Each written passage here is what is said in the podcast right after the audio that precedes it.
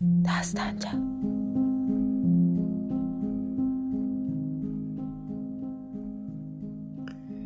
Təbriz qışının sərt soyuqlarından xəbər yox idi. Baharın ürək açan sərin nəsimi telləri oynadır, arzu və diləklər saçan işıqlı üzləri oxşayırdı. Günəş ilıq qızıl şüalarını hər yerə yaymaqda idi. Köçəri quşlar geri dönmüş şur və həyəcanla qanad çalır, düzlər, bağlar, yamaclar al yaşıla bürünmüşdü. Gül çiçəklərin ətri hər yerə yayılmaqda, bülbüllər şoğa gələrək cəhcəh vurmaqda, sanki insanları ruhlandırmaq, həyatı sevməyə, mehr-ü məhəbbət aləminə çağırırdı. Həsən babanın evində də şadlıq idi. 18 il üzünə həsrət qalmış, bəlkə də unudulmuş nəvəsi Rəşid onun kiçik küməsini işıqlandırmışdı. Bu görüşdən dodaqlarda təbəssüm, gözlərdə məhəbbət nuru saçılırdı. Ortada meyvələr, şirnilər düzülmüşdü. Qabaqlarında təzə süzülmüş, buğlanan ətirli çaylar oturanlara göz vururdu. Ancaq heç kəs əlini bir şeyə uzatmırdı. Çünki vurğunun Azərbaycan təranəsinin navarı qoyulmuşdu.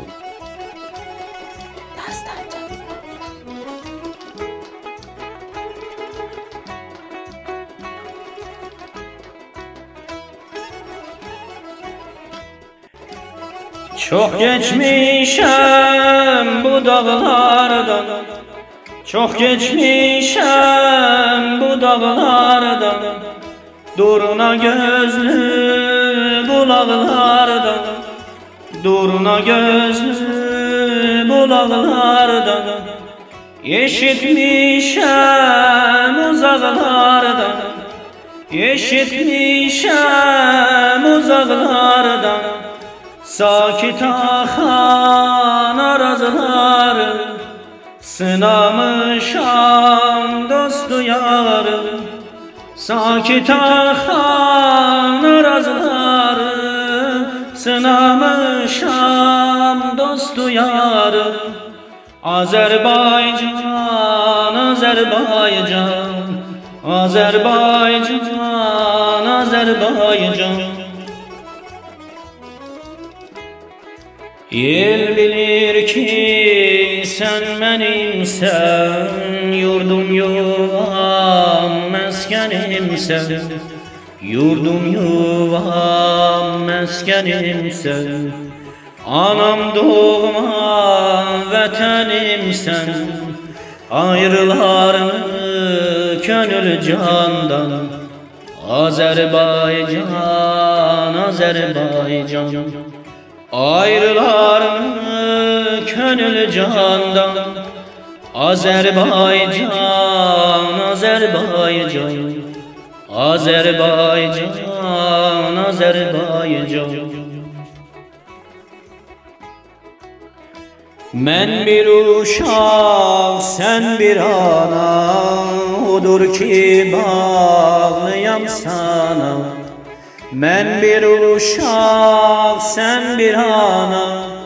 Odur ki bağlıyam sana Hanki səmtə, hanki yana Ey uçsam da yuvam sənsən Elim günüm obam sənsən Ey uçsam da yuvam sənsən Elim günüm obam sensen Azerbaycan, Azerbaycan Azerbaycan, Azerbaycan Azerbaycan, Azerbaycan Təranə təzəcə qurtarmışdı ki, qapı döyüldü. Məryəm tez ayağa durdu. Ed, hətmən tərlandır. deyib qapıya doğru yüyürdü. Axı qızı Tehranda yaşayırdı. Böyük qardaşı dönməz telefonla danışmış, cərəyanı söyləmiş, onu oğlu Rəşid ilə görüşə dəvət etmişdi. Qapı açıldı. 40 yaşında uca boylu, xoşəndamlı, gözəl bir qadın içəri girdi. Ana ilə balanın qolları açıldı. Qucaqlaşıb görüşəndən sonra gedib otağa girdilər. Tərlan ata və qardaşları ilə görüşəndən sonra özünü yad bir cavan qarşısında görüb dayandı. Ürək çırpıntısı artmışdı. Ay Allah. Yəni bu mənim körpə Rəşidimdir. deyə gözlərinə inanmırdı. Rəşid də mat-mat ona baxırdı. Həsən babanın dodaqları qaçdı. Oğlum, niyə mat qalmısan? Axtardığın doğma anandır da. Dedikdə Rəşid yaz buludu kimi doldu. Gözlərindən yaş axmağa işqırıqlar içərisində anacan deyib özünü Tərlanın qucağına atdı. Həyəcana tutulduğunu görən ana Ağlama mənim Rəşidim. Ağlama. deyib onu bağrına bastı. Oğlunun arası kəsilməyən ışqırıq səsi 18 il qabaq körpə Rəşidi zorla ağlaya-ağlaya ondan ayırdıqları anlar gözünün önündə canlandı. Bütün vücudu sarsıldı. Gözlərindən axan iri damlalar üzünü islatdı.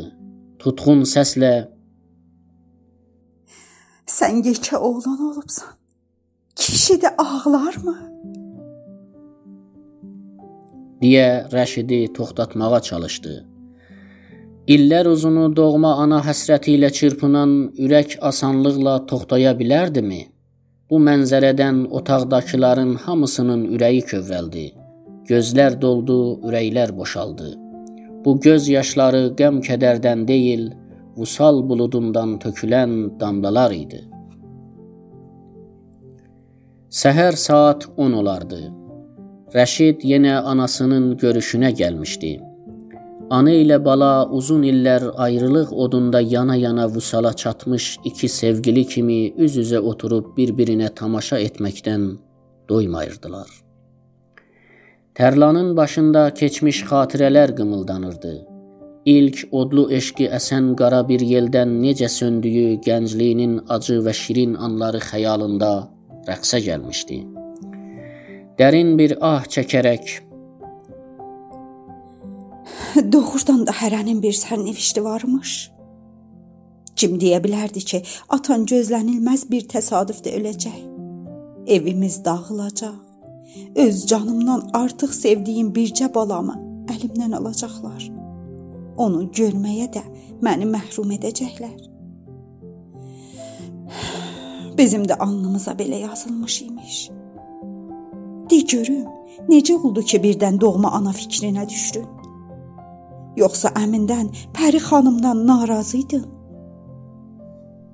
deyə sual verdikdə Rəşid Yox anacan, onlar məni öz canından artıq sevmiş, həmişə nazımla oynayıblar. Ağlım kəsəndən bu yana atamın ölümünü dərk etmişdim. Anam sağ olduğuna da inanırdım. Sizi görmək həvəsi ilə ürəyim çırpınırdı. Bu arzu günü-gündən şiddətləndi. Son günlərdə lap dəli kimi olmuşdum. Narahatlığımı görən əmim müəmmanı açdı, məni Həsən babanın yanına aparıb tanış etdi. Dayılarımla görüşdüm, ürəyim biraz toxtadı.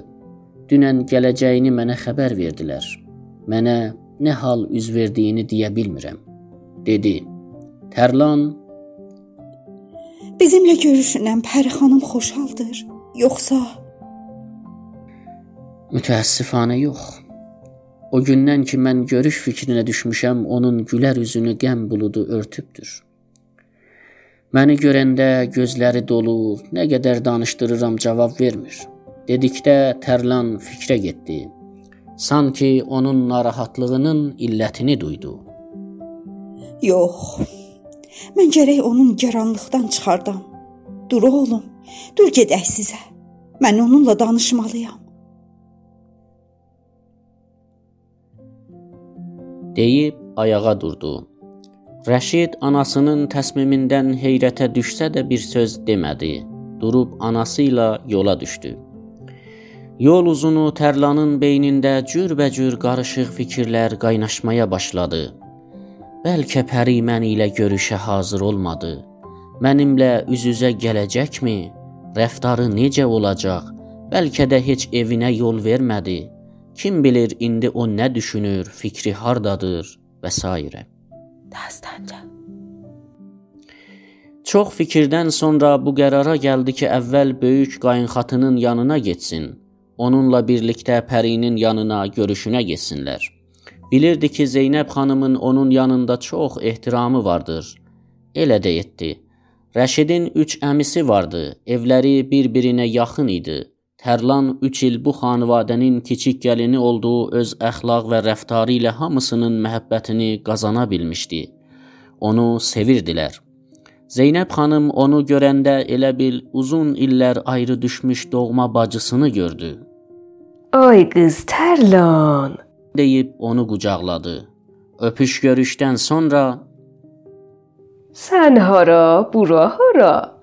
Bacı da belə vəfasız olarmış. Hələ də görüm nə əcəb bizi yad etmisən? deyə bilmirdi nə etsin. Otağa keçdilər. Oturandan sonra Tərlan gəlişinin səbəbini ona söylədi. Zeynəb onun pak insani niyyətindən xoşhal oldu. Afərin bacı. Sən bununla onun təlatümə tutulmuş qəlbini toxtada bilərsən. Özün bilirsən ki, onun bu dünyada heç kəsi yoxdur. Bütün məhəbbətini Rəşidə salıbdır. Yaşayışı ona bağlıdır. Onsuz o dəli olar. deyib çadrasını başına saldı. Hər üçü yola düşdülər. Rəşid qapını döydü. Pəri qapını açdıqda Zeynəb, Tərlan və Rəşidlə üz-üzə gəldi. Ona əcib bir hal üz verdi. Qəlbində Tərlana qarşı nifrət hissi duysa da özünü ələ aldı. Tərlan gülər üzlə onu qucaqlayıb öpdü. Ancaq Pərinin tutxun, dumanlı üzü açılmadı. Otağa keçdilər. Zeynəb gülər üzlə Ay qız, nə yaman qaş qabağını sallamısan. Tərlan bacı evinə gəlib. dedikdə Pəri küskün bir halda Xoş gəlibdir. Amma nə gəlibdir? dedikdə Tərlan ona yaxınlaşaraq Bacıcan, sən nə fikr edirsən? Xiyal edirsən ki, mən Rəşidi sənin əlindən almağa gəlmişəm? Mənim nə haqqım var elə bir fikrə düşəm? O gündən ki, onu mənim əlimdən aldılar, onu öldüyə qoymuşdum. Diriliyinə bais sən olubsan. Gecə gündüz Nazi ilə oynayıb zəhmətinə qatlaşan mən olmamışam. Sən olmusan. Ayrıldığım körpə Rəşidi indi bir iyi oğlan gördükdə sevindim. Gəldim qayğı və zəhmətləriniz üçün sizdən təşəkkür edəm. Mən doğma anası olsam da, həqiqi anası sizsiniz. Gələndə yolda ona demişəm. Məni Tərlan sizi ana səsləsin. Siz icazə verməsəz, mənimlə görüşə gəlməyə belə haqqı yox. O həmişə sizinlə yaşayacaqdır. dedikdə Pərinin qəm buludu ilə örtülmüş üzü açıldı.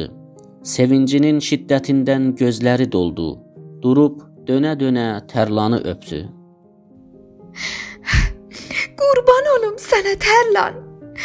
Gərək məni bağışlayasan. Haqqınızda pis qəzavət etmişəm. dedi. Zeynəb Ay xanım, mən sənə demədimmi Tərlan kişi qızdır? Halal süd əmib. Heç vaxt sənin zəhmətinə göz yumub haqqını paymal etməz. Xoş Rəşid balanın halına ki, qəlbiləri sonsuz məhəbbət və güzəştlə dolu anaları vardır. Rəşidin dodaqlarında təbəssüm, gözlərində razılıq qımıldandı.